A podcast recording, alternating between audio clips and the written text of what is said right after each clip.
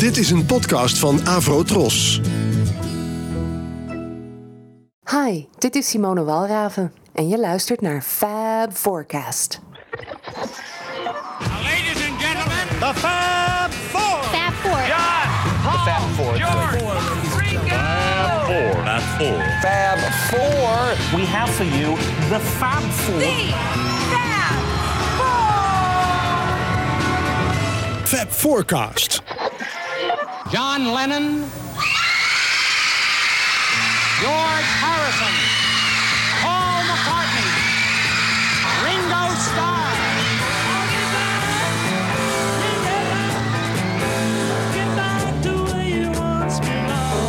Get Back. 25 jaar Beatle-muziek. Oh,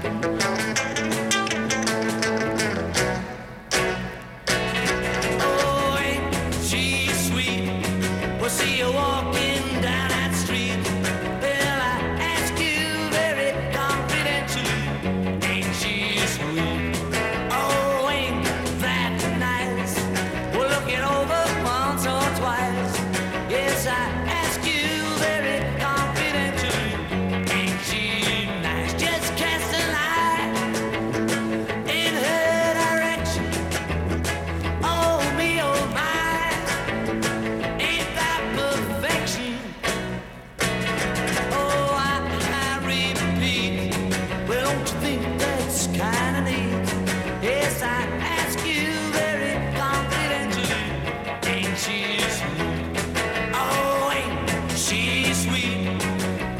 Walking down street. I ask you?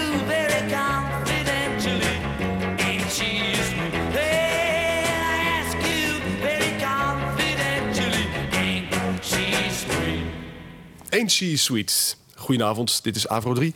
Vandaag, exact 25 jaar geleden, werd de eerste Beatles-single uitgebracht. En daarom is hier Get Back. Een unieke serie waar we met veel plezier aan hopen te werken de komende weken. Overigens tussen 8 en 10 het programma van Meta de Vries. En tussen 10 en 12 Jan van Veens Candlelight. Fab Forecast. Ja, het is geen eh, Get Back.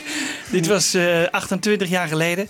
Ehm, achter de knoppen zit Wibo en eh, Michiel. En we hebben een speciale gast, Hans Schiffers. Goedenavond, goedemiddag, eh, goedemorgen. Kan allemaal. Alles kan, ja precies. Ja, ja. Hans, wat dacht je als je die, dit even zo Ja, dat, luisterde? is, dat is wel heel wonderbaarlijk dit. Ik werd echt teruggetransporteerd in, in, in, in de stoel. Toen ik al dat nummer hoorde, dacht ik van ja, dat, zo begonnen wij ook met Get Back. Dat, dat is, ik kon me vaak nog herinneren, ik zag me eens die, die, die, die houten studio in de Avro-studio aan de Schaaflandsweg zag Ja. voor me. Ja. En hoor je, je eigen, hoor je eigen stem in één keer. Heel verrassend is dit, ja. Ja. ja. 28 jaar geleden. Ehm, jij werkt al een paar jaar destijds bij de AVRO. Ja. Daarvoor zat je bij de Piraat. Wat, wat- Ja, nou ja, ik, ik, heb daarvoor dan ook nog weer gestudeerd voor tekenleraar. Want ik wilde al striptekenaar worden. Oh. En via een omweg kwam ik bij de, bij de Radiopiraat terecht. In, eh, in Hilversum was dat. En eh, ja, van, van liever leven van het een kwam het ander. En toen ben ik bij de AVRO terechtgekomen in 1985. Ja. En toen eh, ja, was ik eigenlijk nog vrij jong in mijn radiocarrière. Toen Get Back op mijn, op mijn, eh, Want wat mijn deed je? Jij deed op de ochtend op radio Hilversum 3 was het toen nog? Ja, ik ben, ik ben destijds in 1985 door Jan Steeman aangenomen om een ochtendprogramma op Avro 3 te presenteren. Dat was in plaats van Cas van Iersel, die deed toen de ochtendshow. Ja. Met de baas van de week en dat soort dingen.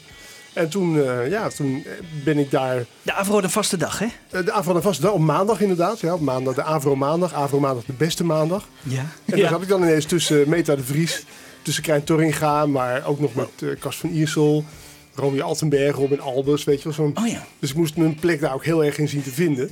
Ja. Dus dat programma, wat toen op mijn pad kwam, Was dat het eerste speciale programma wat jij deed? Anders dan je normale programma op radio? eh, Ja, Hilversum? nou ja, ik, ik heb ook nog s'avonds de Zevende Hemel gedaan met Birgit. Birgit Gans, dat was een programma voor jongeren. ja. Eh, toen was ik zelf natuurlijk ook nog een jongere. Dus toen, eh, ja, dat, dat, dat viel mooi in de doelgroep. En dat was s'avonds tussen 7 en 8. Maar dat was een programma van een andere afdeling, van de jeugdafdeling van de AVRO. Oh. Dus dat, dat, dat, dat was een ander ding. En dit kwam daarvoor in de plaats? Dit kwam ervoor in de plaats. Jan Steeman die had al lang eh, het idee dat, zijn, dat hij zichzelf ook een beetje eeuwig wilde maken. Want hij was natuurlijk bekend van het stenen tijdperk. Ja. We dachten, we moeten dat stenen tijdperk toch weer in een nieuwe vorm gaan gieten. En toen kwam eh, jij, geloof ik, langs bij de AVRO. Ja. Met Evert Vermeer om een leuke Beatles-serie te gaan maken. Ja, dat ik, klopt. Ik, ik heb wel een vent die dat eh, leuk Ja. aan elkaar kan praten. Ja. En toen ben- werd jij uitgekozen. Ja, nou, wij waren wel vereerd, want ik weet wel dat jij, jij was al een stem. Jij was al wel iemand die, die eh, bekend was. Dus eh, wij vonden het geweldig dat jij dat deed. Ik wil, eh, je behoort natuurlijk ook tot de jonge generatie, Ik was, wel, presentatoren. ja, ik was nog niet zo bekend, denk ik, maar ik had wel in ieder geval Nou, een aantal ja, radiouren op mijn ja, zeker, Ja, zeker, zeker, Ja. zeker, zeker. Dus wij vonden het ontzettend leuk. Maar En- dan even een vraag aan jou, eh, Jan Kees. Eh, Ja. Hoe kwam jij op het idee om, om de AVRO te benaderen? Ehm, nou, dat was eigenlijk zo. eh, aan het begin van de jaren tachtig had ik, ehm, had ik eh, een serie gedaan over filmmuziek. Soundtrack heette dat op Radio 1. Dus Hilversum 1 was dat toen. Tussen 11 en half 12. Op, eh, op, op, geloof op, op, maandag. En ehm, nou ja, eh, eh, eh, toen had ik op een gegeven moment het idee van... Het is nu 25 jaar geleden. Eh, er waren allerlei jubilea in dat jaar. Dus je had de, de cd's kwamen uit. Het was 25 jaar geleden dat de eerste Beatle-plaat was uitgebracht. En eh Sgt. Pepper was ook eh 20 jaar geleden toen uitgebracht. Nou, dat zou allemaal groots gevierd worden. Ik heb toen tegen de AVO gezegd, zou het niet leuk zijn om daar een radioprogramma over eh, te maken? En ik had een beetje het idee, en eh naar aanleiding eigenlijk van een serie die 15 jaar daarvoor was geweest, Poster. Eh, misschien kun jij, dat is de derde. Wibo, ik, ik maak het Wibo nu even heel moeilijk. Maar eh, Poster was een programma van, eh, van, van Tom Mulder. Eh, en dat was eigenlijk een BBC-serie die ze hadden bewerkt voor de Nederlandse radio. Dat was een bekende serie ook. Ja, Poster was natuurlijk al beroemd, ook op eh, Radio 3. Ja, ja. Toen heette het toch zo Ja. trouwens? Ja. Ja. ja. Nou, en dat klonk ongeveer zo. De trots op Hilversum 3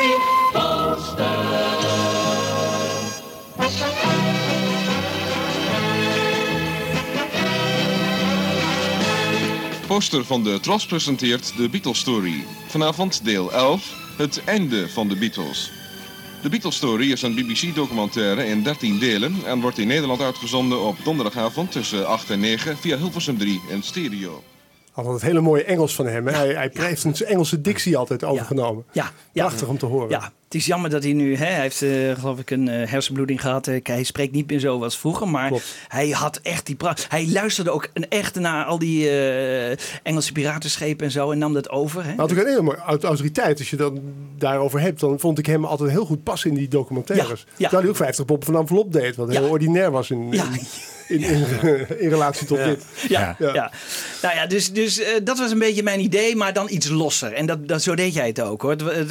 Er wat wat meer humor zat erin en jij, jij, presenteerde dat vrij losjes. En dat, Ik kan me vooral herinneren dat de teksten van Evert Vermeer Ja, behoorlijk ze- uitgeschreven waren. Ze waren wel uitgeschreven. En dat ik dat ging lezen. Ja. En ik had vooral echt het idee van wat een eer dat ik dit verhaal mag vertellen. Want het was toch vier jongens uit Liverpool. Ja. En die gingen van alles meemaken waar ik ook nog helemaal niet het fijne van wist. Ja. Dus ik vond het een gratis academie. Maar en dat, dat, dat, dat viel ons op. Eh, eh, Wiebo en ik hebben die hele serie nog eens een keer terug zitten luisteren.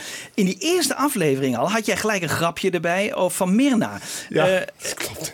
dat herinner jij ook Ja, dat nog? weet ik inderdaad nog. Ja, ik, vond- daar geneer ik me ook echt voor. Want het was zo'n stijlbreuk ook. het, was, het sloeg helemaal werkelijk nergens op ook. Nou ja, En- de, de luisteraars zal zich afvragen, waar hebben we het over? Ja. La- Laat even horen, Wiebo. eh.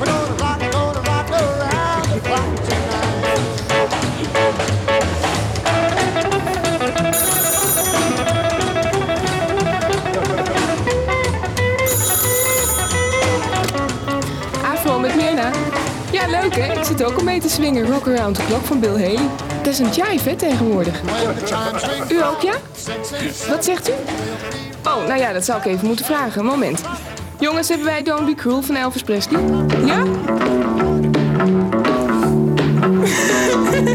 You know I can be. Ja, geweldig. Die lach van Mirna ook. hè? Die lach Ja, van Mirna, hè? Ja. Ja, zij was toen echt eh, het, het schatje van de Avro en de leden stroomden daarop binnen. Dus wij hadden echt het idee van, nou, dat is leuk om dat erin te gebruiken. Maar ik weet niet, was Koper toen ook al bij? Koper Nee, hoop nog niet eens gelijk. Niet, Nee, die werd ik pas later wel door Evert erbij gehaald. Of ja. jij of, of Ja. Evert keken heel zuinig toen ik hem Ja, aankwam. dat zal Evert wel geweest zijn. Die, ja, had Ja. echt een heel draaiboek gemaakt. En dat was Ja. ja. waarschijnlijk Ik heb dat er goed doorheen geloodst, maar daarna heb ik het ook nooit meer gedaan. Want ik hoorde zelf ook al dat het helemaal niet paste.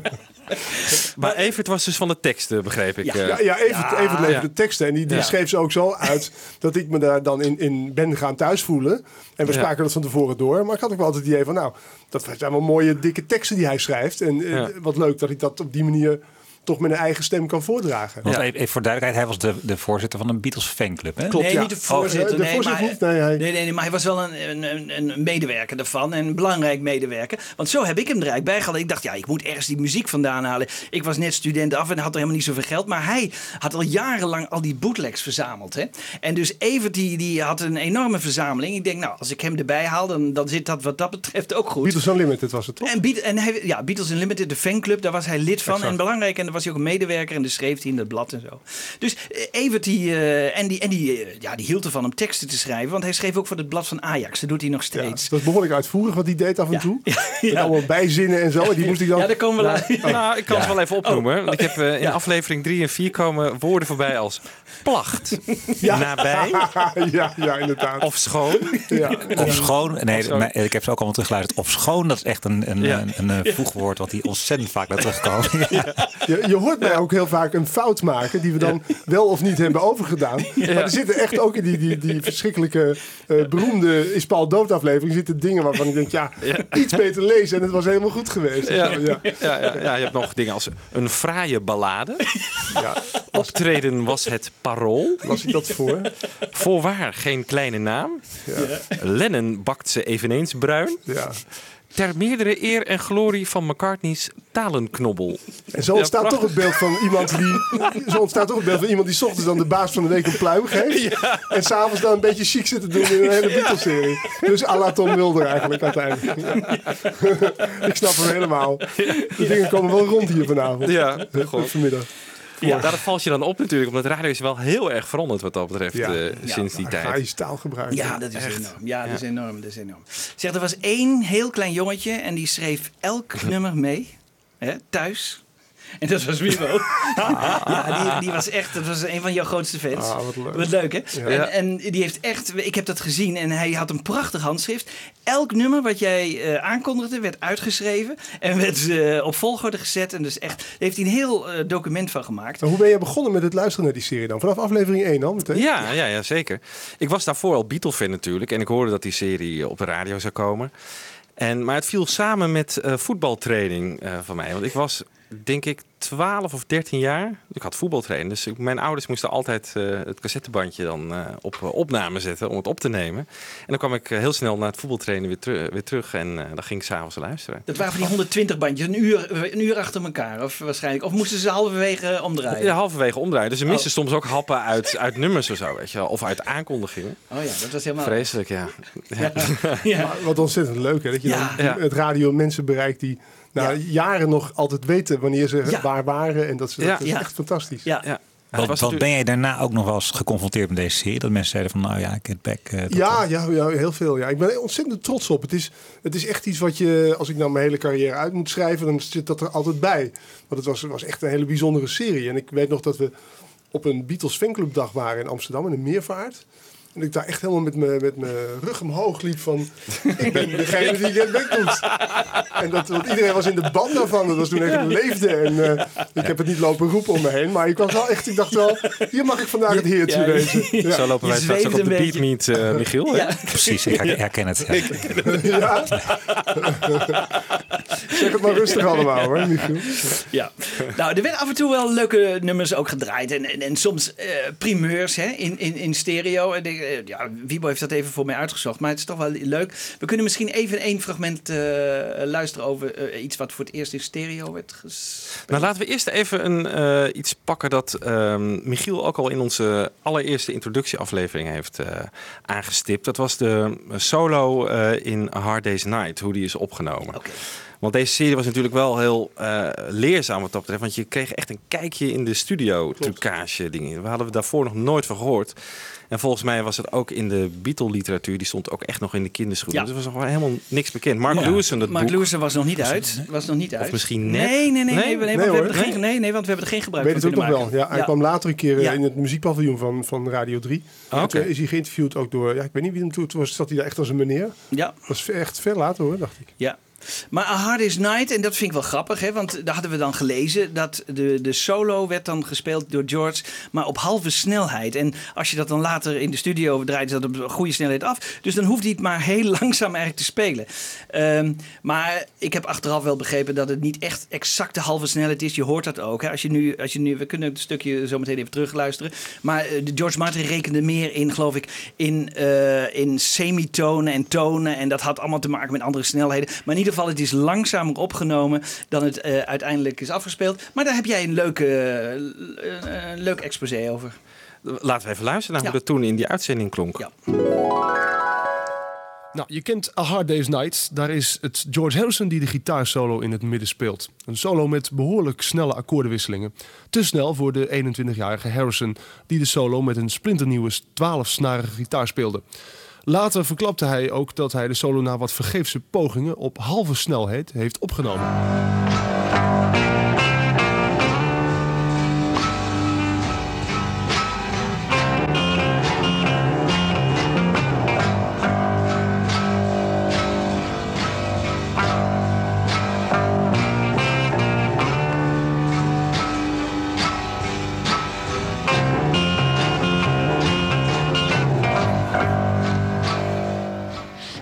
Mooi hè? Nou, daarna werd dat stukje in het juiste tempo in het nummer geplakt. En toen klonk het prachtig.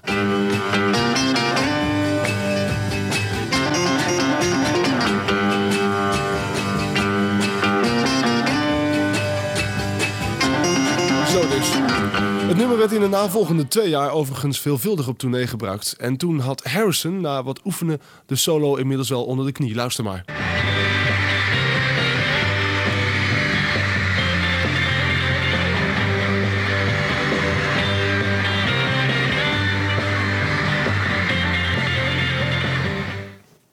Geweldig toch? Ja. Zat ik echt eh, te vreten in die tijd, dat Ja. soort eh Dat geheimtjes. was ook leuk. Dat was ook Ja. leuk. Hè, Het is van dat- beeldende radio. Het is beeldende Ja, je radio. ziet het Ja. voor je. Ja. Goed hoor. Ja, Dat, was, dat is leuk. Allemaal van die. eh, ja, dat konden wij natuurlijk doen, omdat we. We hadden een hele week de tijd voor om dat allemaal uit te zoeken. En, eh, en, Ja. en, en, en, dan, eh, en, en ook in, we hadden ruim de tijd om zo'n programma op te nemen. Een technicus zal dit eh, halve snelheid en zo hebben laten spelen. Dus dat, dat, dat, dat was, was geweldig. Deden we, hoe lang deden we erover over één aflevering? Ja, ik geloof wel een paar uur hoor. Dat is, was, er werd gestopt. En, ja, nee, ik geloof een avond. Dat we er echt een avond voor hadden. Ja. Ja. Middag kan ik me ook nog wel herinneren hoor. Ja. Die, die grote statige Ja, in de studio met die eierdozen Ja. aan, aan de kant. Ja, in de Avro, wat jij eh, aan de Schravenlandse En zo weg. zat je echt achter zo'n ruit en dan daarachter Ja. zaten jullie met Ja. de technicus te overleggen. Dan Ja. zat ik heel lang niks te doen.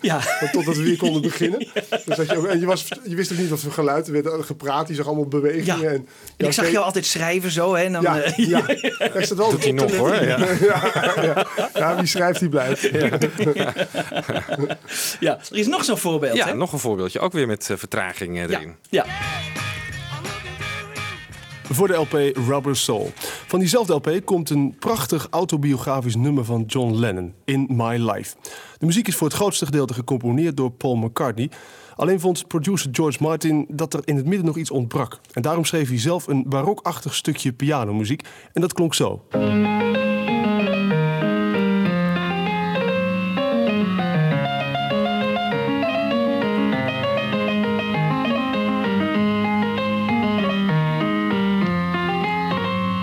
George Martin had dan wel een conservatoriumopleiding, maar zo snel kon hij het niet spelen. Hoe hij dat gedaan heeft? Nou zo.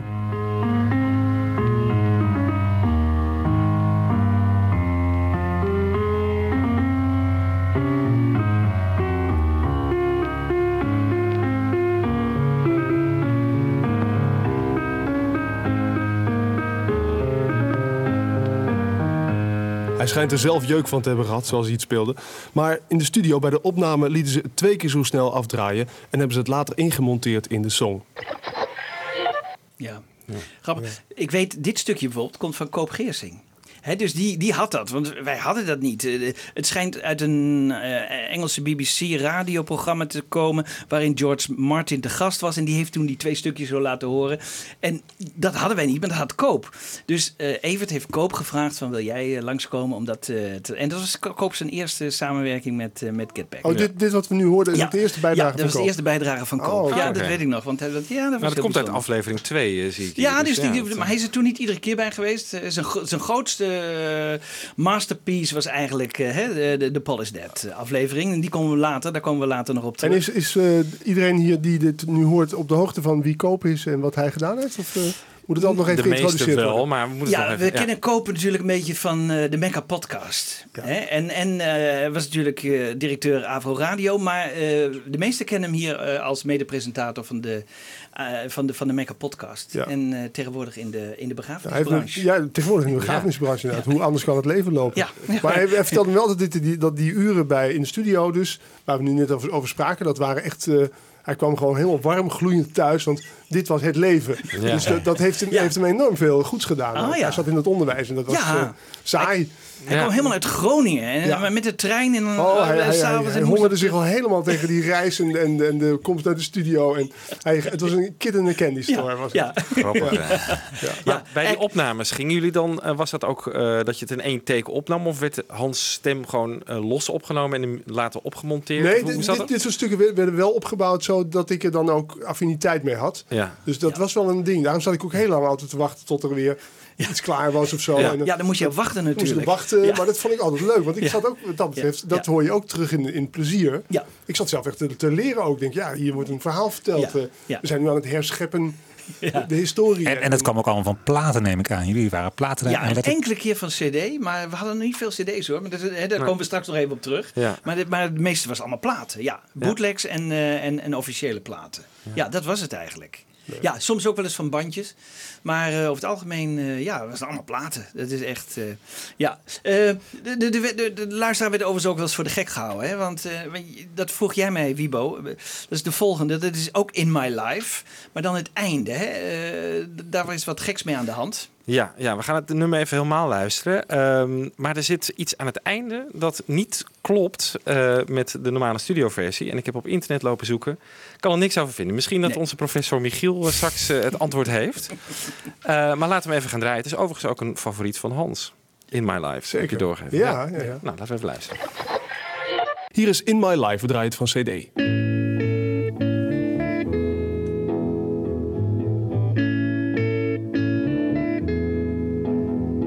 There are places I remember all my life, though some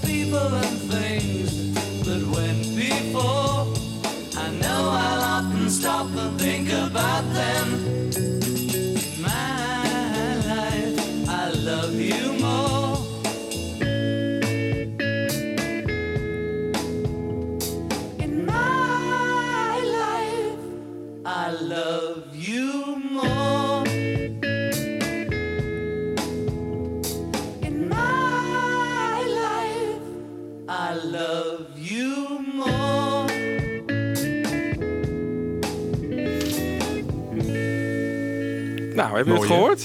Ja. John Lennon's In My Life. Oh, dat was Hans nog even. Ja, dat was nog- Het is wel veel, Hans. ja, maar Hans, jij was de presentator van het programma. Ja, Dus eh daar kun je niet omheen. Maar jij, jij kent het ook niet, hè? Nee. die- die- nee. Dubbel einde zat eraan. Ja. hè? Dat Dubbel hoog. einde. In Ja. dat. En hij is bijna te mooi. Want Hans, ik dacht dat we op twee banden eh, zo'n programma opnamen. En dat die halverwege, want het kon niet op één, dacht ik. Klopt, ja, inderdaad. Ja, Nu Ja, zegt. Ja, halverwege moest hij, eh, moest hij gewisseld worden. Ja. En dan eh, was er één, ja, twee Maar- banden. Ja, maar dit is toch bewust gedaan? Want het, is, het Ja, dit- sluit dit- dit- naadloos Ja, ik, op ik de dacht even, aan. dit is misschien hè, die, die twee banden, Ja. maar dat is het niet zo. Want het ziet er te mooi. Dit is het mooi. Ik denk dat het gewoon een bootlegger is die het op cd heeft uitgebracht en eh, die er zelf Maar jullie hebben het van, ja, ja, van CD gedaan. Hebben het niet van de officiële CD Nee, CD dat was niet gedraaid. van de officiële CD gedraaid. Nee, want die waren misschien nog net niet uit. Want anders hadden we alles wel van CD gedraaid natuurlijk. Hè? Volgens mij hebben we eerder And I Love Her hetzelfde gedraaid. Hè? Dat, Ja. eh, dat die gitaarfrase aan het eind wordt herhaald. Ja. Ja, maar dat een is wel... Hard is nice. Was dat niet een Duitse versie? Het gaat wel heel ver Ja. af en toe, Hans, hoor. Dit Nee, maar- dit is, ik hoor achter de komma heel veel voorbij komen. Ik ben het gewend. Ik ben met jou eens naar Liverpool geweest. Zat ik ook Oh even met wie ben ik nu terechtgekomen. ja. Een, heel, ja, een, een verhaal dat ik zelf nooit ben- ben vergeten bij In My Life. Is dat eh, Adam Curry ooit in de favoriete top 3 in arbeidsvitamine vertelde. Dat hij eh, het heel mooi, hij, sprak fantastisch. Hij zat helemaal in zijn element. Hij vertelde toen dat eh, dit was zijn nummer 1. En dat eh, in de Amerikaanse kraamkamer, waar Patricia eh, geboorte gaf aan Christina, dit nummer werd gedraaid toen zij wereld tevoorschijn kwam. Oh, En dat, dat, dat, dat vertelde hij zo mooi. Ja. Dat ik dacht, ja, dat geeft nog een extra dimensie aan dit toch al zo'n heel mooi liedje. ja, Ja. ja. Ja, is leuk. Ja, was een nee. korte bevalling dan. eh. Ja, ja. Nou, Nou ja, het dubbele zal- einde kon ze het net iets langer Er over zal doen. een einde aan de bevalling. Ja. Het was trouwens, vond ik altijd wel heel bijzonder, dat, dat je erbij zei, en we draaien het van cd of iets dergelijks. Oh ja, is dat Ja, zo? ik had zelf geen cd's en dan denk ik, Oh ja. Ja. Is zo echt- mooi heb je het nog nooit gehoord volgens mij. Dat was was echt even, eh, dat vond ik wel een heel bijzonder dingetje altijd. Terwijl nu zeggen de mensen weer, nee, plaat is toch eigenlijk veel mooier. Hè, dat is wel grappig, hè? Maar Ja. toen, ja, maar je, je, je hoort- je hoort het dan zonder tikjes of eh, wat dan ook, hè? Of ruis. Of, eh, en dat was misschien het bijzondere eraan. Ja, nieuw, nieuw, nieuw is altijd mooi. Hè? Dus eh, Ja, als er een precies. cd nieuw is, dan... eh, Ja, en we draaien hem van, nou noem maar eens iets wat, wat we al hebben, hebben beluisterd. Weet je wel, in surround sound. Of, Ja. Wauw, denk je dan. want ja. CD, dat was nog nieuw in die tijd, hè? Het was 87. Jij herinnert je nog even, hè? Van, Ja, de- nou, de eerste cd-single die ik daadwerkelijk fysiek kreeg was eh, Ship of Fools van, eh, hoe heet het ook weer nou? World Party. World Party, ja, Ja. precies. Ja. Ja, Ja. Die, die, dat, dat, was echt Die een, novum was dat. Ja? Tussen al die platen die je kreeg, want ik kreeg al, al die singles in die grote tassen naar huis. Maar ja. dit, ik kon het nergens afspelen ook, maar het maakte niks uit. Ik zette het gewoon echt op de plank neer. Want ja, zo bijzonder was dat. Dire Straits herinner jij je ook? Eh, Ja, da- nou ja, het was vooral Dire Straits natuurlijk het... eh, was bijna de, de, de, de huisband van eh, de cd-show van Wim van Putten. Oh, en die ja. draaide die platen. En dat was natuurlijk heel bijzonder. Want die ging dan echt uitleggen ook, net als wij dan. Van ja, we draaien van cd. En je moet maar eens opletten hoe... Nou, dan begonnen die hele rustige stukken. En dan Ja. hoorde je inderdaad... Ja, dat was, was fenomenaal. Het was, was sensationeel als je dat hoorde. ja. Dat kan niemand zich nu niet meer voorstellen. Maar ja, Ja. daarom verkochten die platen ook met bakken. Ja. Ja. Ja. Ja, grappig, hè? Dat is wel bijzonder, ja. Ja. Er zit ook nog ergens wat er ook, en dat het van, van CD werd gedraaid, vond ik heel bijzonder. Maar ook altijd dat voor de eerste keer in stereo op de Nederlandse radio. Ik denk, hè?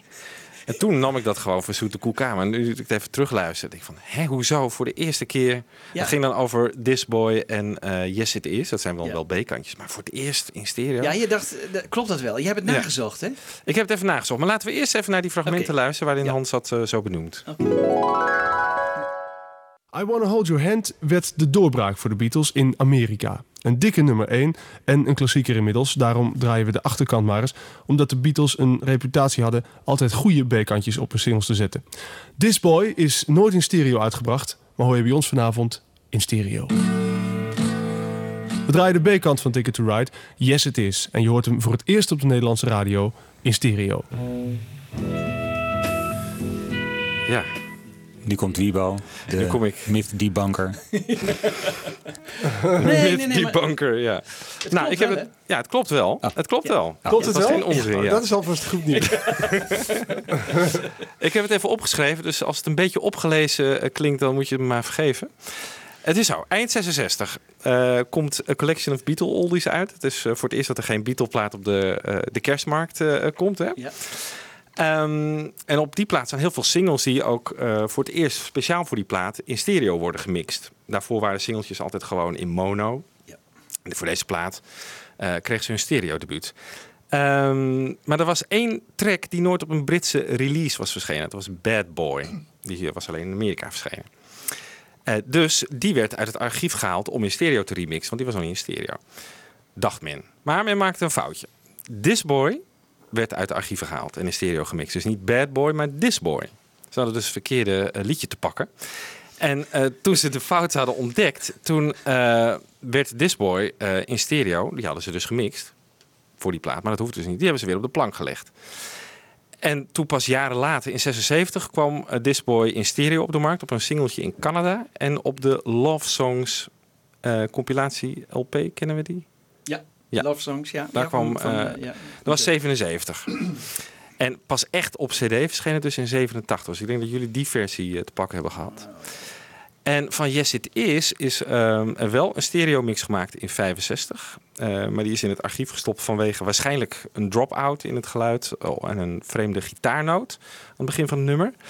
En in 86 duikt deze versie dus voor het eerst op. En dat is op een cassettebandje met de titel Only the Beatles.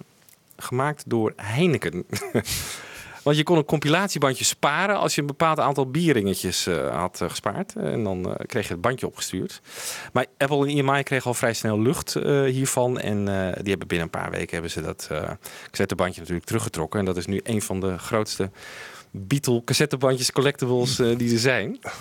En eh, die goede stereo mix die is natuurlijk eh, ook in 87 op cd eh, verschenen. Dus ja, Ja, ik zag Het- eh, het Hans klopt allemaal eh, wel. meeschrijven. En Die hoe, hoe kwamen allemaal wij eraan genoteerd. dan Ja, weer? wat? Hoe kwamen wij eraan aan al dat mooie spul? Eh, die jullie hadden waarschijnlijk het bandje van Heineken. Ja, dat, ik denk dat Evert het had. Evert die had heel veel hoor. Die had heel veel.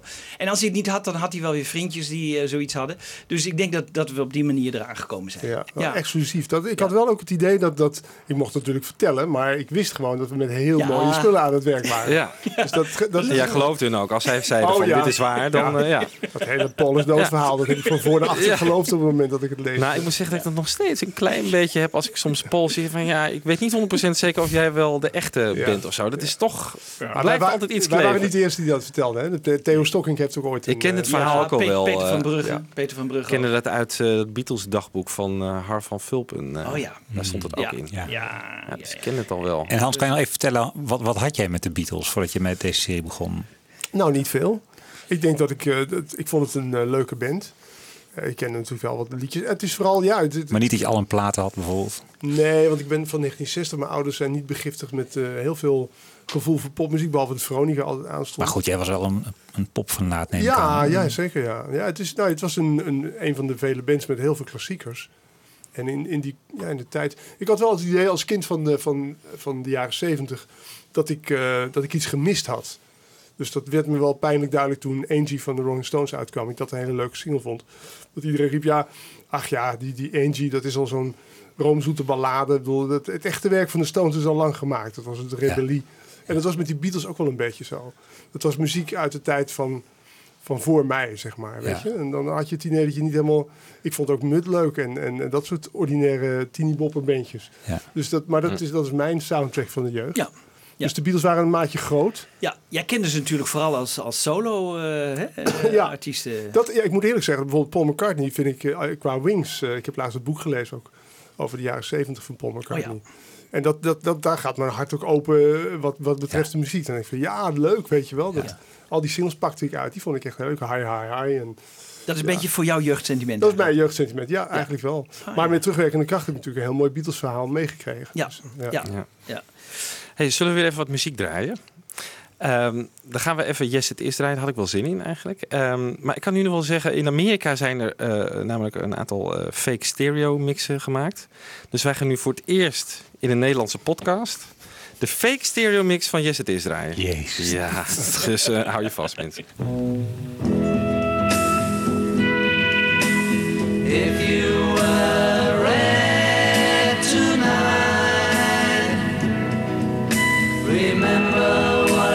said tonight. For red is the color that my baby wore, and what's more, it's true. Yes, it is. Scarlet were the clothes.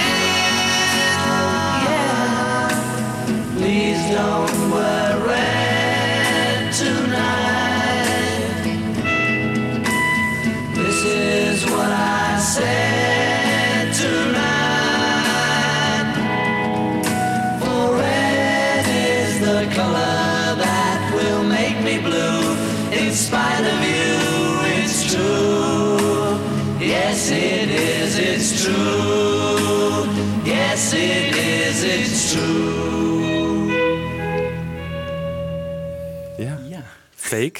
Ja. Stereo. Ja, Dave Dexter Jr. Hè, deed Ja. het allemaal. Ja. Vreselijke man. Ja. Vreselijke man, ja. ja, dit was een jazzman en die, was, die heeft dus heel lang de Beatles afgehouden hè, in Amerika. Oh ja. Bij Capitol. Hè, heel lang, tot, tot, tot aan hun, eh, eh, hun eerste eh, single eigenlijk, eh, eind, Ja. begin 64, eh, heeft hij altijd gezegd, nee, dit is helemaal niks voor Amerika. Zo, het is echt, eh, ja. En die heeft dus eigenlijk allemaal mixen laten maken voor de Amerikaanse markt. Die anders klonk, want Amerika luisterde anders naar muziek. Dus er moest meer bassen in en Ja, meer ja, galm en dat soort, dat soort dingen. Ja, Amerikaanse opvatting. Ja. ja. Overigens, eh, Hans, jij zei ook wel eens dingen die eh, allemaal op papier stonden, maar die niet waar waren. Moeten wij tot onze... Doe het schandblokje maar even dan. Daar zijn we vanaf. Ja, eh Wibo, eh, laat even horen. Dankzij onze geheime connecties kunnen we nu de Beatle-versie van Bad laten horen. Zij het piepend, knarsend en krakend, maar dat moet maar voor deze keer even zo. If you ever leave me, Ja. Geheime connecties. Nou, Geheime connecties, ja, oké. Daar, daar was totaal geen sprake van. Nee, ja, nee. misschien de bootlegger op de hoek, maar het was dus niet... eh, Maar het is wel leuk om dat zo te zeggen, toch? Ja, ja, ja, ja. maar Het, het leek alsof wij dan iets speciaals hadden die anderen helemaal niet hadden. Zo was het ook niet. Ik bedoel, dit, dit, dit soort dingen kon je op Beatle-dagen, hè, als je, Ja. eh, waar jij ook wel eens bent geweest, eh, kon je die dan kopen. Maar het was dus niet zo dat wij, eh, nee, door hele bijzondere connecties eh, dit soort dingen hadden. En, en er, er is er wel meer ook, hè, waar we, toch eh, achteraf kunnen zeggen, maar dat was niet expres of zo. Maar dat we zeggen, eh, hier zijn toch fouten gemaakt die later eh, misschien niet meer gemaakt zouden zijn als we het boek van Mark Lewison hadden gelezen of de boeken die daarna kwamen. Misschien kun je dat fragment ook even laten horen. Het nummer Sun King was oorspronkelijk bedoeld als onderdeeltje van het George Harrison nummer Here Comes the Sun. Het idee om die twee nummers te scheiden kwam van Paul McCartney. En John Lennon schreef een onzintekst in een soort Spaans. Vandaar dat het nummer ten onrechte als een Lennon-McCartney-compositie genoteerd staat. We laten allereerst de repetitie horen met daarin nog duidelijk de invloed van George Harrison hoorbaar. En daarna de uiteindelijke versie van CD. De krekels die je hoort zijn echte, opgenomen door Lennon in zijn tuin in Ascot.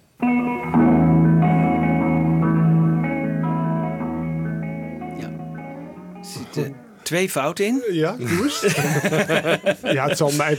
ik- Het is wel een eh, Lennon, eh, het is een Lennon nummer, hè? dus het is wel een Lennon McCartney nummer. Ja. Eh, en de tweede, de krekels, dat heb ik aan Ken Scott gevraagd. De krekels, Jo- John Lennon heeft ooit wel krekels opgenomen, die kon helemaal niet omgaan met dat soort apparatuur. Dus ze hebben gezegd tegen Lennon dat het zijn krekels waren, maar ze hebben gewoon krekels uit, eh, uit het archief gehaald. Ah. Dus, eh, maar goed. Maar dat- ja, nogmaals, dat het dus een, Ja, onderdeel van Here. Comes the Sun was. Dat is ook niet waar. Want je hoorde Lennon hier... Dit is gewoon een Lennon op gitaar Ja, ja. die er speelt. Ja. En hoe jullie erbij kwamen dat het een onderdeel van Here Comes the Sun was. Ja. Dat, eh, maar Ja. ik heb het jarenlang geloofd hoor. En toen... eh, Ja, hè? Ja, ja. jongens, bij, alsnog eh, mijn nederige excuses hiervoor. Kwam dit van dat, jou, Jan Kees? Nou, dat, ik neem het graag op mij. Ik neem het graag op mij. Het is Nou, echt mea culpa, mea culpa. ja, we kunnen helaas het niet meer met terugwerkende kracht veranderen. Maar eh, we kunnen het wel zeggen eh, hè, hoe het wel zat. En Wibo heeft het nu even helemaal rechtgezet. Hoppa. Dus, eh, Zo. ja. Eh, Wibo, j- ja, jij, onder, ja, jij, jij hebt al die dingen ook beluisterd, ook de tunes en zo. En Wibo zegt, ja, op een gegeven moment was er ook een nieuwe tune. Ja. Heb, kan je die tune van het begin nog herinneren, een beetje? Ja, nou, we Ja? hebben hem aan het begin even gehoord, Ja, echt, precies. dacht ik. Hè? En, vanaf aflevering 7 wordt die anders.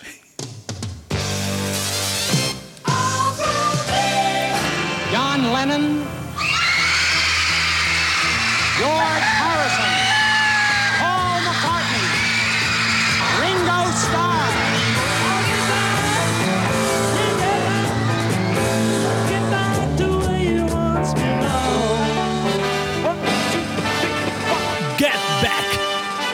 De volledige Beatles-story. Ja, ik weet het nog wel hoor. Dat is, eh, Bas, Bas Western en ik die werden betaald extra om eh, in zondagmiddag eh, eh, JPR-tijd te hebben, die Ja. productietijd. Volgens Ja. mij is het daar een keer gekomen. Ah. Dat we dachten, we gaan het eens een keer anders, anders aanpakken. Want die serie werd natuurlijk steeds populairder. Ja. Ja, Even Ja, er die- zit hier veel meer geluidjes in van Ja, Beatles we en die echt, echt lol om dat allemaal achter Ja. elkaar te zetten. ja, leuk. Ik kan me herinneren, dat Bas, was jij niet bij toch? Nee, ben, ik- ben ik niet bij geweest. Nee, nee, Nee. nee. Maar Bas, die... eh, Ja, Bas was natuurlijk een creatieveling. Ik vond het heerlijk trouwens, drie uur lang met hem in, in een ruimte te zitten, allemaal dingen te bedenken. En hij hoorde dat en daar, hij, hij sprak het ook Want, in. ja, wat deden jullie dan? Eh, Nou ja, we, we, we hadden een, een rubriek, een hele, eh, ook zo'n zo'n schaamrubriek, onder de douche. ja. Dus had ik een bekende Nederlander en die moest dan zo gemonteerd worden, hermonteerd, dat het iets leuks werd. met een douche eronder. En dan gingen we dan van, wat doet eh Imca Marina onder de douche? Ik noem maar wat. Oh, wat En dan wat gram erbij of zo? En dan gingen we het allemaal, allemaal verhaspelen en zo. Ik ben nooit tegen de lamp gelopen. Die bekende Nederlanders die sliepen altijd uit. Dus ik, als ik uitzending had. Tot het Willy, eh, wie, wie was het ook weer? Geloof Willy Dobbe een keer. Die, die zei van, dit is niet wat ik gezegd had, geloof ik. maar ik ben nooit in mijn kraag gegeven. Alleen het was, het was heerlijk ravotten. En die technicus die deed natuurlijk alles wat je vroeg. Ja, Dus, oh, dus zullen we dat even zo doen? Nou, sprak Bas dat in. ja, Maar dit is tijdens een van die sessies waarschijnlijk ook gebeurd. Ik dacht, nou, even Ja. een nieuwe tune opnemen. ja. Ja, Ja. leuk, ja. Nou, en in, in die tijd was het wel leuk, want door die serie kregen wij ook uitnodigingen om naar bepaalde concerten te gaan. Hè? Is dat zo? Ja, bijvoorbeeld Roy Orbison, daar mochten we naartoe en dan mochten we Oh. hem interviewen. Privileges. Ja, er waren privileges. Dat vonden we helemaal geweldig natuurlijk. Hè? Dus Evert en ik met zo'n... eh, ik weet Nagra? Niet of Nagra, denk ik. Ja, of het, ja, het zal een Nagra zijn geweest. En eh daar gingen we opnemen. Oh, Dat is een loodzware, loodzware Nagra. Waar ook overigens de Let It Be opnamen mee zijn gemaakt. En, ehm, ja, dan- dan- en eh, ik weet nog, ik, ik heb hem gevraagd... Of ik heb hem verteld eigenlijk dat de Beatles... de allereerste opname die zij voor de BBC hebben gemaakt... was Dream Baby. En dat was een Roy Orbison nummer. Ja. Nou was hij helemaal ontroerd. Hij raakte oversnel ontroerd, eh, onze Roy. Maar een aardige man, ook een hele aardige man. Mensen eromheen waren heel vervelend. Een soort Brian Wilson. eh. Ja, die vrouw van hem, dat is een soort Duitsachtig type. En die eh, hield echt alles af. En dan moest mocht maar een bepaalde tijd. Maar hij- Roy zelf was ontzettend aardig. Ja. Een jaar later zou hij eh, bij de Traveling Wilburys eh, gaan spelen. En ehm, hij vertelde een, eigenlijk een mooi verhaal over Please Please Me. Tenminste, Evert vertelde dat aan hem. En hij kon daar een mooie aanvulling op geven eh, over wat hij zelf daarover had gehoord. We gaan nog even terug naar het moment waarop de tweede single van de Beatles moest worden opgenomen. Zoals we al eerder vertelden, had George Martin toen een nummer klaar liggen, getiteld How Do You Do It. Maar de Beatles namen liever een eigen nummer op. Paul McCartney had Please Please Me geschreven. Een langzaam nummer in de wat jankerige stijl van Roy Orbison. Martin vond het niet zo'n slecht nummer, maar hij vond dat een Orbison-imitatie niet nodig was en stelde voor het sneller te spelen. Een mooi verhaal, maar mooie verhalen moet je af en toe even controleren. Dus een paar weken geleden was Roy Orbison in Nederland. En we zijn hem even gaan vragen of het inderdaad zo is gegaan toen. Oddly enough, just last uh, spring, or two or three months ago, uh, Barbara and I were in Switzerland. We were doing a uh, a Eurovision television show. And then they, we were asked to come to, to London to celebrate Sergeant Pepper's uh, 20th anniversary. And Paul McCartney was there, and I was uh, introduced to George Martin for the first time. And uh, I was really pleased to meet him. And it was good to see Paul again, too. But he said, uh, he said, I heard enough of you on Please Please Me. And I didn't know what he was talking about. And Paul asked me, he said, Haven't you heard the story? I said, No. And so then they told me what you just told me. But it was just only this year that I ever heard that. Yeah. Do you have any plans of recording it in that way? I might. I thought of it just after that. I haven't, I haven't uh, um, done any singing on it yet, but I, I will. I'll, I'll see what happens there. Yeah, it's an interesting thought.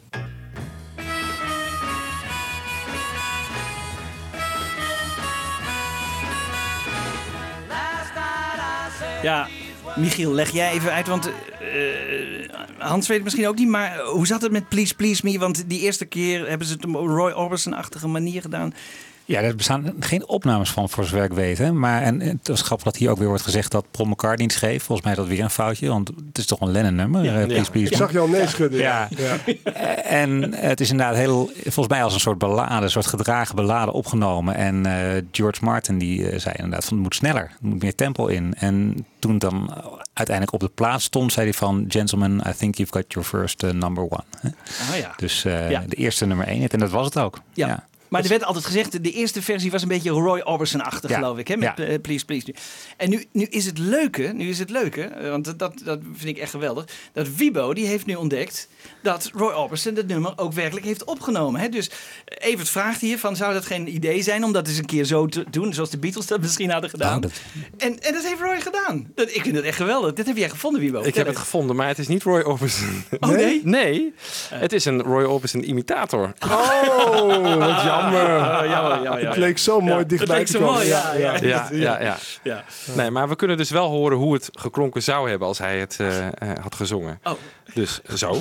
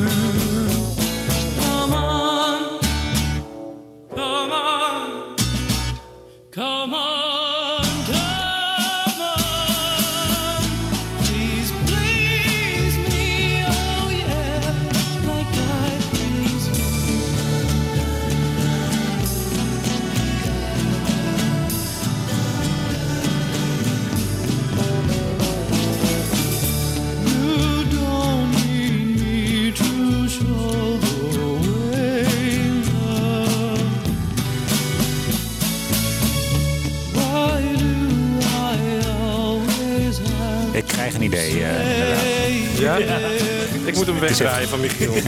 Ik zat echt te genieten, jongens. Maar ja. Treat for the ears is dit. Wie is dat dan? Die, eh, Ik heb het opgeschreven. Jared Lekaitis. Oh. Een Amerikaan. Een Amerikaan. Ik vind dat het heel Ja. goed gedaan Je heeft. krijgt, wel een, je krijgt wel een indruk van hoe dat geklonken zou hebben. Ja, dat vind ik wel leuk. Ja, ja, dat ja. vind ik wel dat leuk. hè? gemist. Hey, en dat stuk, want je zegt, we hebben hem ook gesproken over de Dream Baby. Heb je dat ook nog eh, op tape staan? Ja, dat heb- dat hebben we wel op tape staan. En als het goed is, moet ik dat ergens thuis nog hebben. Want eh, hij was echt, vond hij ontzettend leuk om te horen. Hij, hij wilde ook allerlei dingen van ons horen. En dit, dit, dit verhaal dus ook. eh, hè, we vertelden Evert over de Please Please Me en zo. En dan kwam hij zelf met dit verhaal. Dus hij vond het heel erg leuk. Ja, hij had wel iets met de Beatles. Want hij heeft een tijdje opgetreden, geloof ik. Hè, en in een tournee gezeten met Ja. de Beatles. En, ehm, Ja, dus- toen was, dus- en- waren en- de Beatles laat- het voorprogramma hè, van hem. En dat Ja. werd gaandeweg de tour werd dat omgedraaid, want de Beatles zo populair werden. En dan een jaar later-. Echt, heeft hij dat meegemaakt? Ja. Ja. Oh. Ja. Ja. Met hij het voorprogramma. Oh. Ja, die man heeft toch echt de Oh, ellende aan zijn kont hangen. Ja. ja, ja. Ehm, wat ook leuk was, eh, is dat, dat, dat, dat er echte anti-Beatle-fans, eh, dus, dus Beatle-haters eh, in, in aan het woord kwamen. Waaronder, nou ik geloof dat er eentje is hoor, Boudewijn Bug. Ja, dat klopt. Nee, ik zat net te denken, want die, dat, er, dat sluit wel aan op eh, die aflevering waar jij het nu over wilt hebben. Ja. De, Jaap de Groot heeft ons ook nog verteld dat hij eh, in, in Engeland heeft opgetreden. Dat zijn naam met ZZ... Nee, was het ZZ de Maskers, klopt. Dat die naam groter was uitgeschreven op een poster dan die van de Beatles. Hey, en right. volgens mij is dat ook helemaal niet waar. Maar hij, hij met een hele grote neus zat hij dat aan ons te verkopen. En dat was in een aflevering waarin we dus bekende Nederlanders aan het woord hadden. Ja. Waarschijnlijk Ja. tegen het eind van het jaar of Ja. zo, denk ik. Ja. Over Ja. hun favoriete Beatle-muziek. En Ja. daar zat inderdaad, ja, we wilden zochten een tegengeluid en die waren er bijna niet. En ik ben toen naar het Marriott Hotel in Amsterdam gegaan om... Oh, jij hebt hem om- geïnterviewd? ik Ja, kan me niet herinneren. Ja, Nee, Boudewijn Buug heb ik toen geïnterviewd. ja. Ja, jij deed een aantal. eh, Ja. Evert en ik deden een aantal. Ja, die dat zaten erbij, leuk. allemaal. Joop van Zijl zat erbij. Ja, en, eh, ja, die heb je volgens mij. eh, ja, ik weet het niet. En, en Herman Stok. Herman Eh, Stok. Van Herman Stok weet ik nog altijd dat hij, eh, dat hij het had over die rondvaartboot eh, die, Ja. door de, de grachten. Ja. En dat er een dame stond en die, die stond helemaal te schreeuwen. En die zei hij van, nou spring dan trut. Kijk naar je eigen, zei ze toen. Dat, dat riep hij toen ook. Ja, en Duis, maar Duis komen we zo nog even op. Maar eh Boudewijn Bug, ja, dat was een, dat was een Rolling Stone fan, hè? Ja, die hield zich ook maar... Dat was natuurlijk een act. Dat was één grote Ja. act. Ja. En daar hield hij zich heel goed in. Want ik had hem ook gezegd van... We hebben, Oh. jou, eh, je- we hebben jou gevraagd om een wat anti-Beatles Oh, wat leuk, ja. ja. Ja. Oh, zo is dat gegaan. Ja, zo is het gegaan. Nou, laten we even horen wat eh, Boudewijn Bug te vertellen heeft. Je hoort ze niet veel, maar er waren toen en nu ook mensen die het met die Beatles helemaal niet zagen zitten. Of er zelfs een hardgrondige hekel aan hadden. Degene die die hekel het best van allemaal cultiveerde is Boudewijn Buug. Schrijver, journalist, televisiepresentator en hartstochtelijk fan van die andere groep, de Rolling Stones. Een paar maanden geleden had hij een televisiegesprek met Mick Jagger. Hij kon van de zenuwen geen woord uitbrengen, maar vertelde er ook bij dat een ware Stones-fan nooit meer een Stones-plaat zou mogen draaien op een pick-up waar ooit de Beatles op hadden gelegen. Boudewijn Buug, welke Beatles-plaat is, nu je toch bezig bent, dan echt wel de allerergste? Ja, jij hebt me gevraagd wat het, eh, de slechtste plaat van dat groepje uit Liverpool is. Ik weiger hun naam in de mond te nemen, want een Stones-fan die praat niet over dat tweederangs orkest. En ik denk, het duurt langer voordat we tot de waarheid geraken dat men weet dat het eigenlijk niks was. Maar we zijn nu al bij ABBA dat we zeggen dat is absoluut middle of the road muziek. Leuk, verder niks. Maar de Beatles, oh, heb ik toch gezegd, ja. Oh, oh. Nou ja, excuses aan de Stones-fans. Ehm, dat groepje uit Liverpool, die hebben gewoon middle of the road muziek gemaakt. Slecht opgenomen, slechte muzikanten ook. Alleen het houdt het langer uit dan ik dacht. En dat komt waarschijnlijk vooral door de, door de cultus. Dat merk je al meer bij groepen, dat ze het langer volhouden door de cultus. Kun je alleen nog afvragen waarom mensen daar zo eh, lyrisch over zijn. Dat is een raadsel. Ik weet het niet. Ik weet het echt niet. Ik heb vaak zitten denken... het kan toch niet aan lange haar gelegen hebben... want de Stones hadden lange haar de Pretty Things. Tegelijkertijd had ook lange haar. Ik denk dat ze... en dat is ook het, het bedreigende van dat groepje geweest natuurlijk altijd ook... dat ze al heel snel bij eh, ouders eh, geliefd werden... Ik weet dat mijn moeder, die vindt de Stones nog steeds viespeuken. Maar die vond er al in 65, 66 dat, eh, de, dat groepje uit Liverpool kon. En ehm, dat is eng. Als eh, muziek eh, kan, als ouders het leuk gaan vinden, dan is dat zeer bedreigend. Want eh, muziek is uitgerekend iets wat een generatiekloof aantoont. Je ouders zitten Bach of Mozart te draaien en jij draait nieuwe muziek die ouders niet begrijpen. Dan zou je kunnen zeggen, nou, dan, dan heeft dat groepje uit Liverpool heeft dan klassieke muziek gemaakt. Nee, dat hebben ze ook niet. Het is gewoon echt middle of the road. Het is, je hebt meer van die groepen in die tijd. Andere groepen redden het niet en zij hebben het wel gered. En later zijn een heleboel factoren bijgekomen. Wat natuurlijk heel treurig is, laat ik er misstand over laten staan. Maar de, de moord op Lennon, dat heeft ook allemaal bijgedaan tot de mythificering van, de, eh, van hun muziek. Ik weet niet één nummer. Ja, het zijn slagersliedjes. Toen eh, Lennon werd vermoord, heb ik een stuk geschreven in een krant over Lennon. Want zijn teksten zijn soms wel aardig, moet gezegd worden. Dat ik fluit ze af en toe, betrap ik mij erop dat ik een regeltje eruit fluit... of een melodielijntje fluit op de fiets. Meer is het niet. Terwijl ik zal de, de Stones nooit fluiten op de fiets en de Animals ook niet. Kortom, de muziek van de Beatles doet mij niks. Spreekt mij volstrekt, en dat is de essentie, spreekt mij emotioneel volstrekt niet aan. Ja, She Loves You, yeah, yeah, yeah. De allerdebielste wat eruit is opgenomen in de geschiedenis van mo- moderne muziek. She Loves You, yeah, yeah. Debieler kan een mens niet zijn. Ze, eh, ze, ze houdt van jou, ja, ja. Dan gaat nog een de tekst met die domme, die domme melodielijn, als het dan melodie is.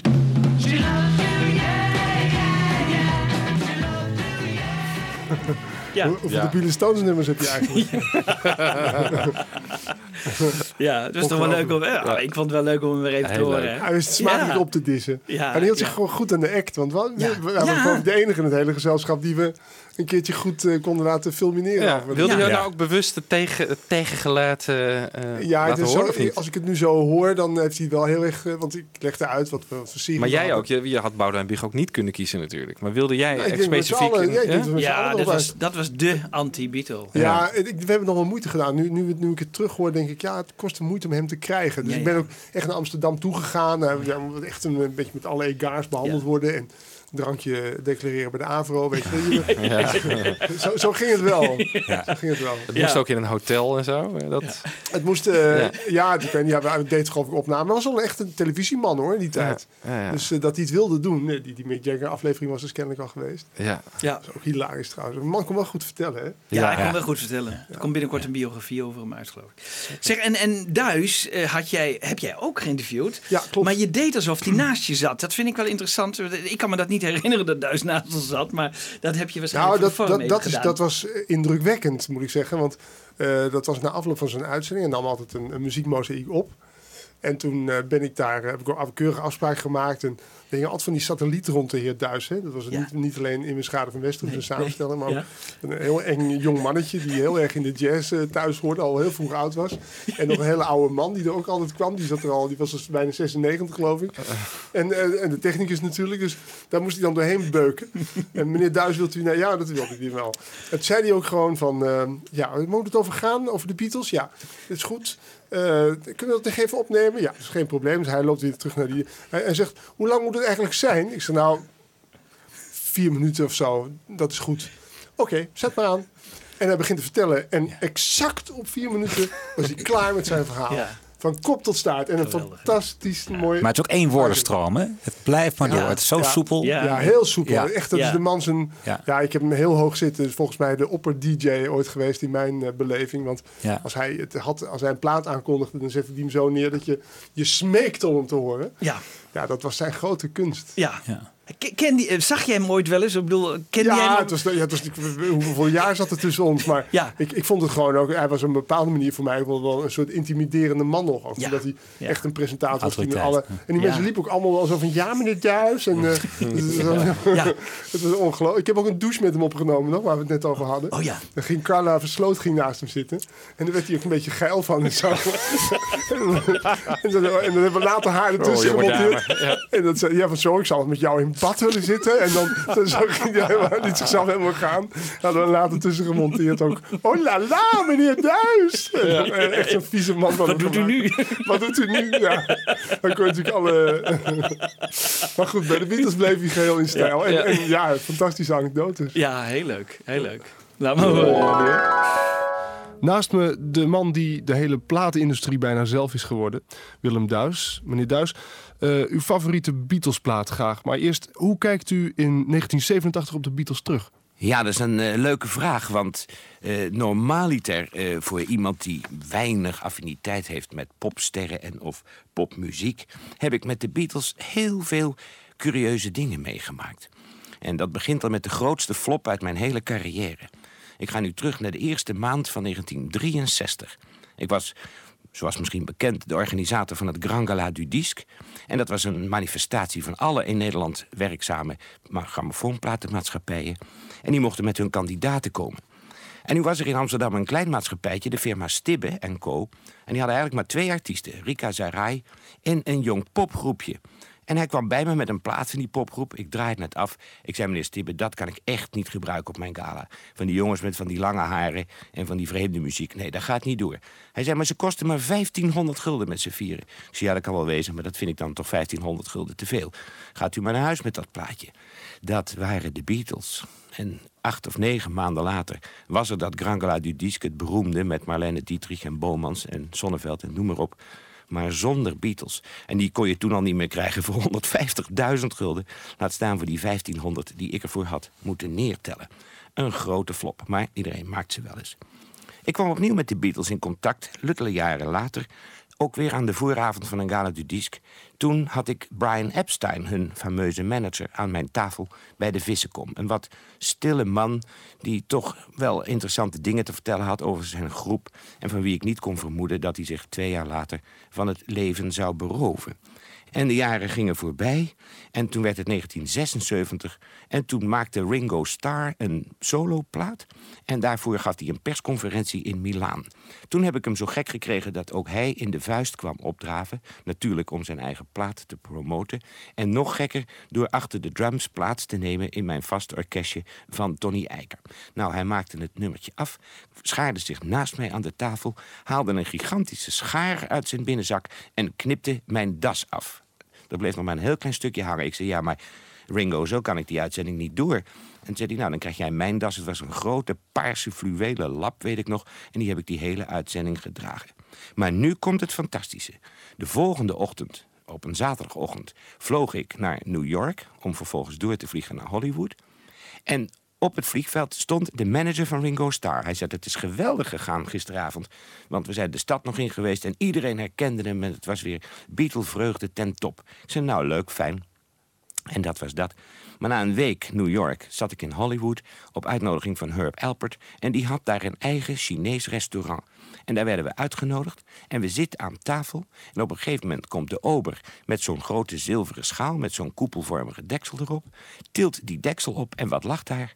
Een grote schaar. Ik zeg, wat is dat nou? Hij zegt, kijkt u maar eens in de hoek. En in de hoek aan een bar stond Ringo Starr. Hoe is het in vredesnaam mogelijk? Precies een week na zijn optreden in Voor de Vuistweg. Ja, en als je me nu vraagt wat mijn favoriete Beatle-nummer is...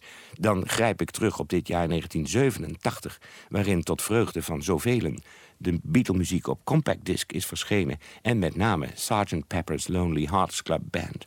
En daarop staat een van de allermooiste nummers van Lennon en McCartney. En daar zou iedereen mij een groot plezier mee doen. She's Leaving Home. Het is geen vier minuten, denk ik. Het zal vijf minuten geweest zijn, denk je niet? Maar hij zal zich ongetwijfeld aan de tijd gehouden hebben. Ja, maar hij had- Vier minuten verhaal, vijf hè? zie ik hier. Hè? Vier minuten vijf. Toch wel? Dus, uh, Oh, inclusief ja, het jouw toch vier minuten geweest Oh, ik zijn? gedacht Het is veel langer. Als ik al Ja, dat zijn die vijf seconden intro van jou. Ja, Ja, ja. Ja. vier minuten. Oh, moet je nagaan. Ja. Nou, eh, nog, alsnog eh postuum respect eh, voor Ja. deze... Ja, niet te geloven, die man, hè. Ja. Ja, wat een verhaal. maar, hè? maar, het- maar het is ook, dat, jij kent ook die, die levenssfeer waarin die man zich begeven heeft. Toen vloog hij naar, en ik kom naar de manager tegen. En, De ja, ja, ja, dus- Herb Albert. Ja. Ja. in zijn Chinees is oh, dat is het geweldig. Ja, ik vond het echt... eh, ja, je luistert toch weer gebroeid naar die man. Ja, dit, maar dit was dus één aflevering waarin we Boudewijn Buug hadden, Ja.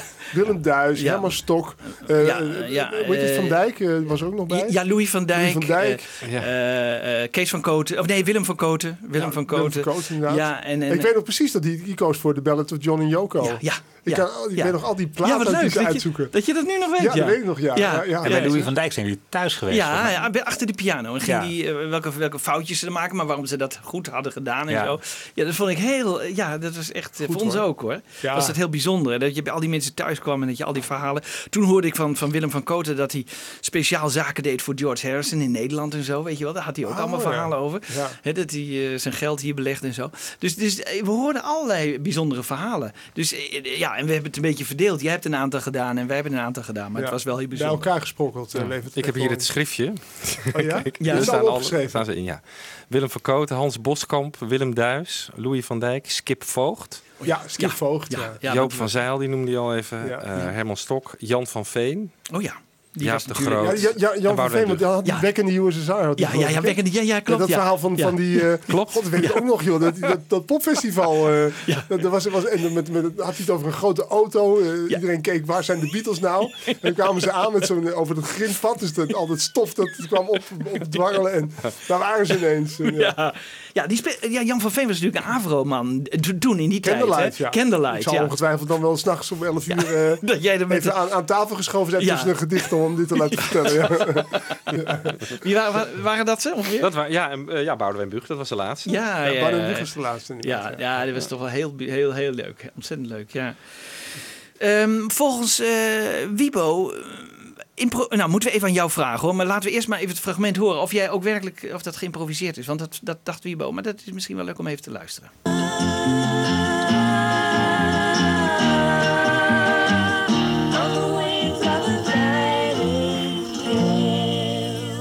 De perfectionist McCartney.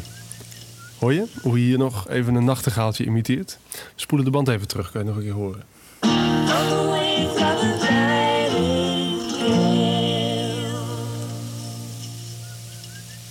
Met zijn mond. Hoor je wel? Ja. Dat vond ik zo grappig. Ja.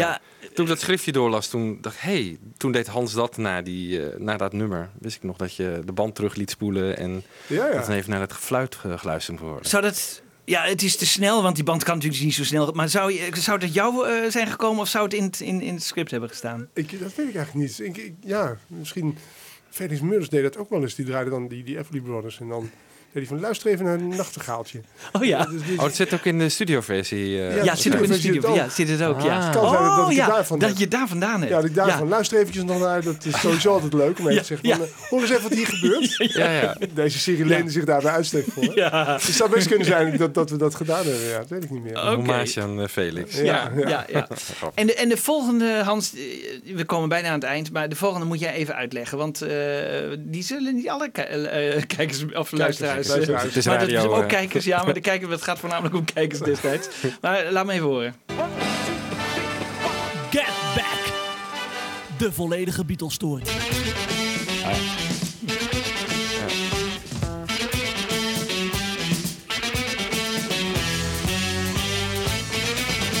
Goedenavond. Als je dit nummer nog niet kende, dan ben je geschrokken voor een paar seconden. Hè? Maar niet getreurd, we maken onze eigen ongein wel. Welkom bij de 25e en laatste echt complete aflevering in de serie Get Back. Ja. Eh, dat is echt een tekst van Evert, ongein en zo. Maar vertel even, wat, wat, wat, waar sloeg dat op? Eh, ja, dat, dat, dat stukje van Paul McCartney zit eraan vastgeplakt, hè? Ja. Dus de gewone man, Pisa, Ja. die hadden dat geknipt. Dress Me Up As A Robber, van het Tug of War album. Dat geproduceerd was door Eric Stewart, Ja. onder meer. Ja, nee, ik Ja, vind het heel knap dat je dat allemaal weet. Ik weet niet wat je verder nog wil nee, weten. Nee, nee, Maar voor de, voor, voor, voor de, voor de mensen van, van eh, onder de, nou, eh, wat zal het zijn? Onder de 50. Net middelbare school. Ja? ja. die kennen dat natuurlijk niet. Maar Pisa was een programma. Ja, Pisa was een programma van eh, Henk Spaan en Harry Vermegen. En die hadden, moet ik even goed nadenken hoor. Ja, ik werkte bij de VARA ook lange tijd. Dus bij mij loopt het ook allemaal door elkaar. Waar heet het nog Pisa van een andere naam? De gewone ja. man. Ja. En, ja. Oh, da- Ja. Het was een, een herkenningstune was dat. Ja. Ja, Maar ja, van- eh, Ja, ik was- wist zelf niet dat het van McCartney was. Nee? Dus wa- daarom schrok ik ervan. Hè? Is dat van Paul McCartney? Ja, ik, Oh, ja. ik draai het Ja. regelmatig. Ja. Voor mij is het echt een sleutelnummer in zijn eh oeuvre. Omdat ik vaak eh, bij, bij leuke singles meteen denk aan Dress Me Up As A Robber. Ja. Dat is ook, Oké. ook, weer- ook zo'n nummer dat bij de VARA dinsdag veel gedraaid is. Ik was daar toch wel Ja. een, eh, een liefhebber van. Wat, wat zij ja. Dat was geen single, toch, eh, Michiel? Nee. Nee. Nee. Nee, maar Nee. iets wat een tune was, wat zo vaak op televisie Ja. voorbij kwam. Wat, dan, Ja. wat jij dan kent, is ook een leuk geheim natuurlijk om te, Ja. om te Ja. weten. Dus dat, eh, Maar Henk jij, kende, jij, jij kende nog niet in 87. Nee, nee. Nee, die ken ik Nee, dat is ook wel grappig, ja. Maar Henk Spaan was een echte Beatle-fan, hè? Ook Everly Brothers en Beatle-fan. En die, eh, die eh, heeft het Willem waarschijnlijk... moet het hebben van zijn loopvermogen. Is toch ook een Everly Brothers? eh, Oh ja, dat is waar. Ja, je hebt gelijk. Ja, je hebt gelijk. Ja, ja, ja. wat leuk. Ja, ja. Nou, dan komen we zo langzamerhand eh, op het eind. En eh, het zal niet de laatste aflevering zijn geweest hoor, maar een van de laatste. En dat was wel de, de, de aflevering die eigenlijk het meest teweeg heeft gebracht. Hè? De Paul is Dead. Ja. En daarvoor kwam speciaal eh Koop Geersing over. Hè? Want die was al een paar keer geweest, maar die heeft die hele aflevering samengesteld. Zijn pièce de Zijn résistance. pièce de résistance, moeten we toch wel zeggen. Maar ook van die serie, want het is echt iets, een, een aflevering die iedereen die die serie heeft be- beluisterd, bij is gebleven. Klopt. Waar, waar ligt dat nou aan? Wat is dat nou? Dat, eh, is dat toch die eh, van het zou wel eens waar kunnen zijn? Of die spanning? Of dat het voor het eerst... Nee, het was al eens eerder op de radio geweest. Maar het, het is waarschijnlijk ook... Ik heb altijd het idee gehad, ook de manier waarop jij het hebt gebracht. Hè? Het was heel serieus. Je bracht het niet eh, lachend of zo. Maar heel, ja, bijna... eh, Bijna wetenschappelijk. Wetenschappelijk, ja. Ja, ik, ik, Ja, ik kun je- herinner kun me- ja, ik weet, weet nog wel dat, dat het opnamen we wisselden steeds van studio. Dus hadden we het net over de Schaaflandsweg. Toen zaten we die ochtend, het zal een grijze dinsdagochtend geweest zijn. Ik kan me er wel iets bij voorstellen. Ja. eh, aan de NCV-studio. De, de, Ja. Waar was het ook alweer? Ja, eh, Schuttersweg. Schuttersweg, ja. Ja. En, Ja. en daar zijn we die uit. En ik weet dat ik goed was ingepraat ook over het karakter van deze uitzending. Met name het fanatisme van Koop zal hierbij wel een rol hebben gespeeld. Ja. Die zal me goed hebben inge, inge. Die was een goede motivator altijd. Dus die zei: we gaan nu iets bijzonders opnemen. Want nou ja, ben met Evert helemaal door zitten praten. En ik denk dat ik een, een. Ja, je neemt een hap adem en je gaat dan zo'n uitzending in. met, op dezelfde manier als we die andere uitzending mee opbouwden. Maar ik denk dat ik ook gaandeweg het verhaal wel zal hebben begrepen... ook dat hier ook weer iets heel bijzonders aan de hand was. Ja. En toen, eh, toen die uitzending klaar was, of, of naar, naar het muziekpaviljoen werd gebracht, had ik nog niet eens het, het kleine vermoeden dat het zoiets, dat het zo'n impact zou hebben. Maar toen werd het donker, weet ik nog wel, toen het uitgezonden werd. En dat daalde een, nou ja, dat is net, ja, je hebt het over een hit, hoe komt een hit? En dan denk je, ja, dit is iets zo bijzonders, zo macaber, zo... zo eh, blijft een idioot. bijzonder verhaal. Ook, Het blijft zo ja. bijzonder, dat, dat je Ja. merkte gewoon... Nou, je kan eens merken dat iedereen naar de radio luistert. Nou, dat merk je dat uur. Ja. Iedereen is nu echt in de ban van dit verhaal. Ja. En de volgende dag werd ik gebeld door de telefooncentrale van de AVRO. Die waren helemaal stuk gebeld. Echt iedereen belde de AVRO. En er was één dame, dat vergeet ik ook nooit, daar hadden ze het nummer van genoteerd. Een Amerikaanse vrouw, die had gebeld. En die had niet geslapen. Dus die had de hele nacht was ze wakker geweest. Of ik die even wilde bellen, als een soort correlatie. Dus ik heb thuis op de Liebergweg waar ik toen woonde, heb die mevrouw gebeld. En die kre- kreeg je nou totaal hysterisch aan de telefoon ook van... I am in Holland and I listened to the show last night. And it was... I didn't sleep. It's so... It can't be. Nou, die mevrouw die kon ik bijna niet tot bedaren brengen. Ik denk, nou, dit is wel heel erg bijzonder. Dus ik probeerde helemaal uit te leggen dat het ook maar een verhaal was. Dat je je eigen gedachten. Ja. Maar die was gewoon echt helemaal onder de indruk ervan. En, en wat daarna gebeurde, ja, tot in de hitkrant eh, kwamen vragen van, van, van...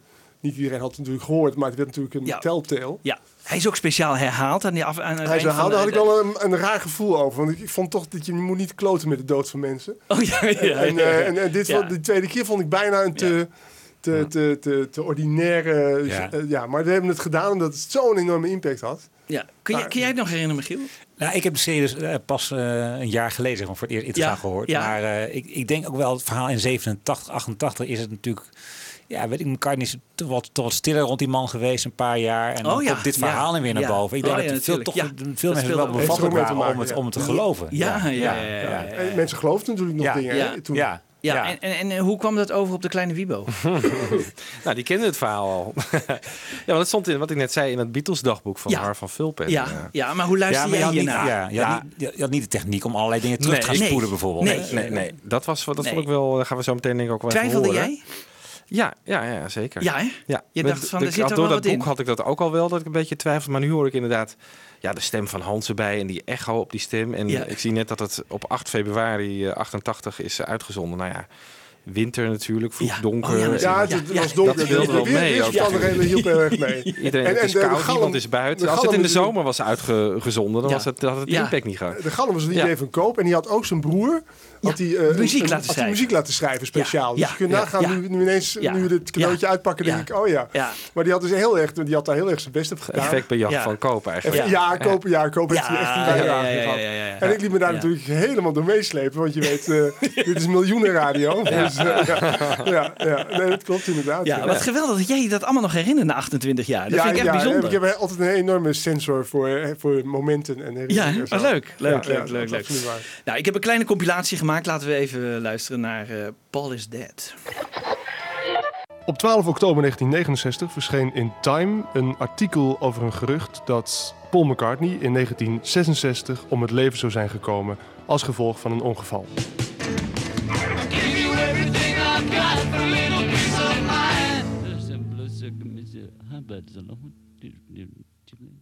Als je dat gekrabbel achteruit zou draaien, lijkt het op Paul is dead now. I miss him.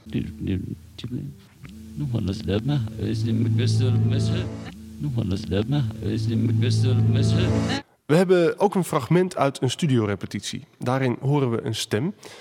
En die stem is misschien wel die van Billy Campbell, die oefent om zijn eigen accent kwijt te raken.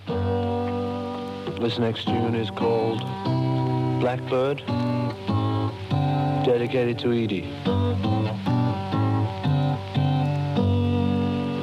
Blackbird singing in the dead of night. Take these sunken wings and learn to fly all your life. Een specialist in stemmen was een zekere Dr. Henry Truby van de Universiteit van Miami. Hij maakte zogenaamde sonargrammen van de nummers Yesterday uit 1965 en Hey Jude uit 1968. Een sonogram is de registratie van de stem van een bepaald persoon die even uniek is als bijvoorbeeld een vingerafdruk. De uitkomst van het onderzoek naar de stem van Paul McCartney werd gepubliceerd in Live Magazine van 7 november 1969. En die uitslag luidde als volgt: De stem van Yesterday en Hey Jude behoort toe aan twee verschillende personen.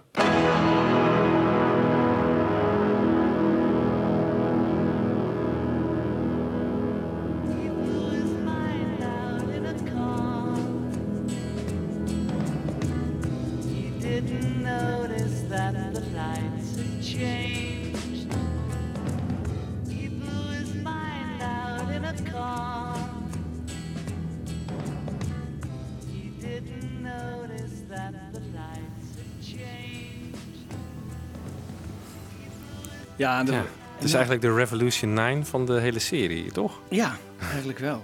En, en heel veel aandacht. Ik bedoel, je moet echt koop, krijgt hier alle credits. Want, eh, Ja, ik doe het nog wel eens na ook. Number 9. Number Number 9.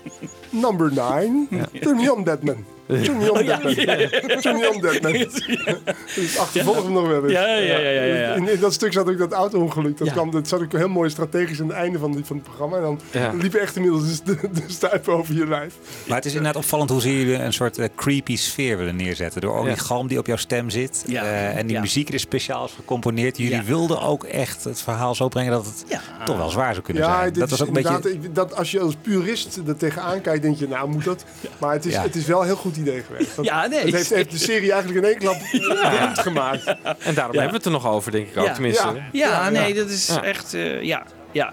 Wel grappig, hè? Dus dan zo'n koop die dan daar binnenkomt en dan eh, eerst eens wat dingetjes levert, dan een hele aflevering maakt en eindigt als directeur radio bij de Avro. Dus dat is gewoon blijven hangen eigenlijk. Hij is hè? blijven hangen, ja. Ja, dat hij, heeft, wel- hij heeft het heel knap gedaan. Ja, Alleen, hij werd er ook niet heel erg blij van uiteindelijk met al die vergaderingen en al die politiek. Nee. Dus dat, dat was dan weer Nee. de burden. Maar, ja, eh, maar eh, Ja. ja. en heeft hij uiteindelijk die Mecca-podcast nog kunnen maken. En, eh, Toch nou, iets met de dood, hè? Hij is nu Ja. in de dood werkzaam. Ja, oh ja, dat is waar. Alles Ja, dat is waar, ja, ja. dat is waar. Ja, dat is waar. Dat is helemaal creepy als je Ja. het zo doet, ja.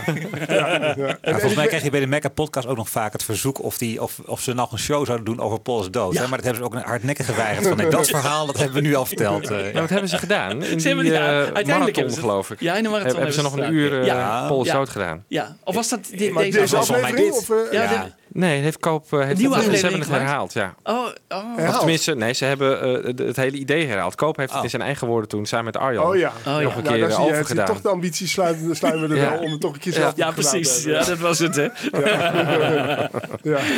Ja, goed. Mooi hoor. Nou jongens, hiermee sluiten we eigenlijk af. Hè? Ehm, de, de, dit was eigenlijk eh, het laatste fragment uit een, eh, uit een toch wel... eh, waar ik met heel veel plezier aan terugdenk. eh roemruchte serie eh, Get Back. Ja. Jullie, jullie zijn daarna doorgegaan. Hè? Jullie zijn gewoon... Jullie hebben rock'n'roll gedaan en, en Elvis wat- en het meest, stoere vond ik dat we vier weken lang Jimi Hendrix hebben gedaan. Wat toen Ja. heel revo- revolutionair was op, op Radio 3. Die spuiten die gitaar iedere keer een heel uur lang. Ja.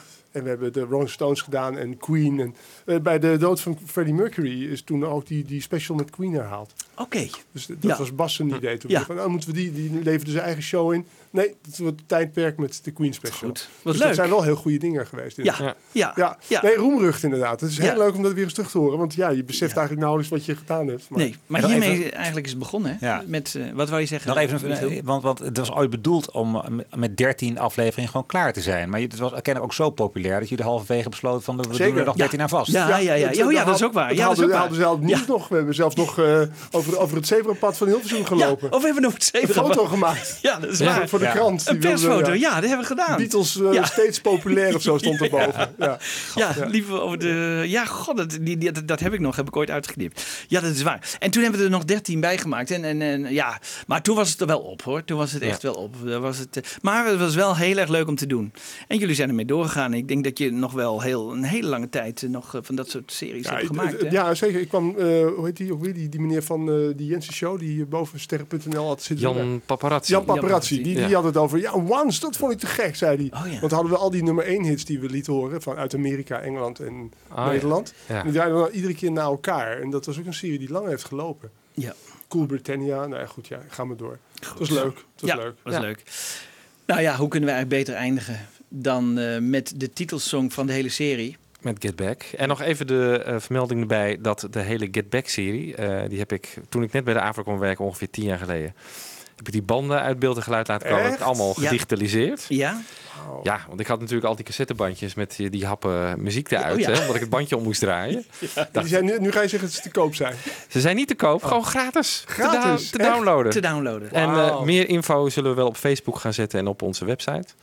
Maar dan, eh, nou, dan moeten jullie natuurlijk niet vergeten om naar Fab Forecast te luisteren, want dat gaat ook gewoon door. Ja. Dus eh, luister het maar even naast dan, alsjeblieft. Oké.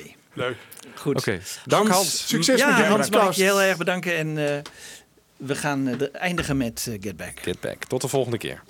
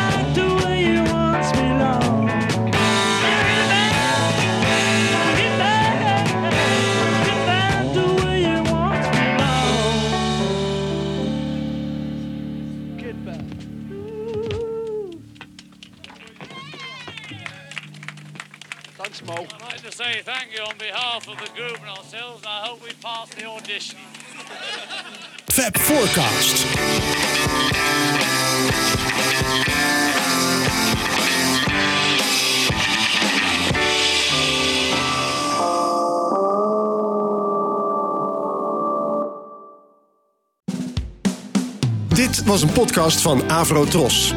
Wij maken tientallen podcasts per week. Van klassiek tot pop, van actueel tot archief, van reguliere radioshows tot speciaal voor podcast gemaakte programma's. Kijk voor meer podcasts op avrotros.nl.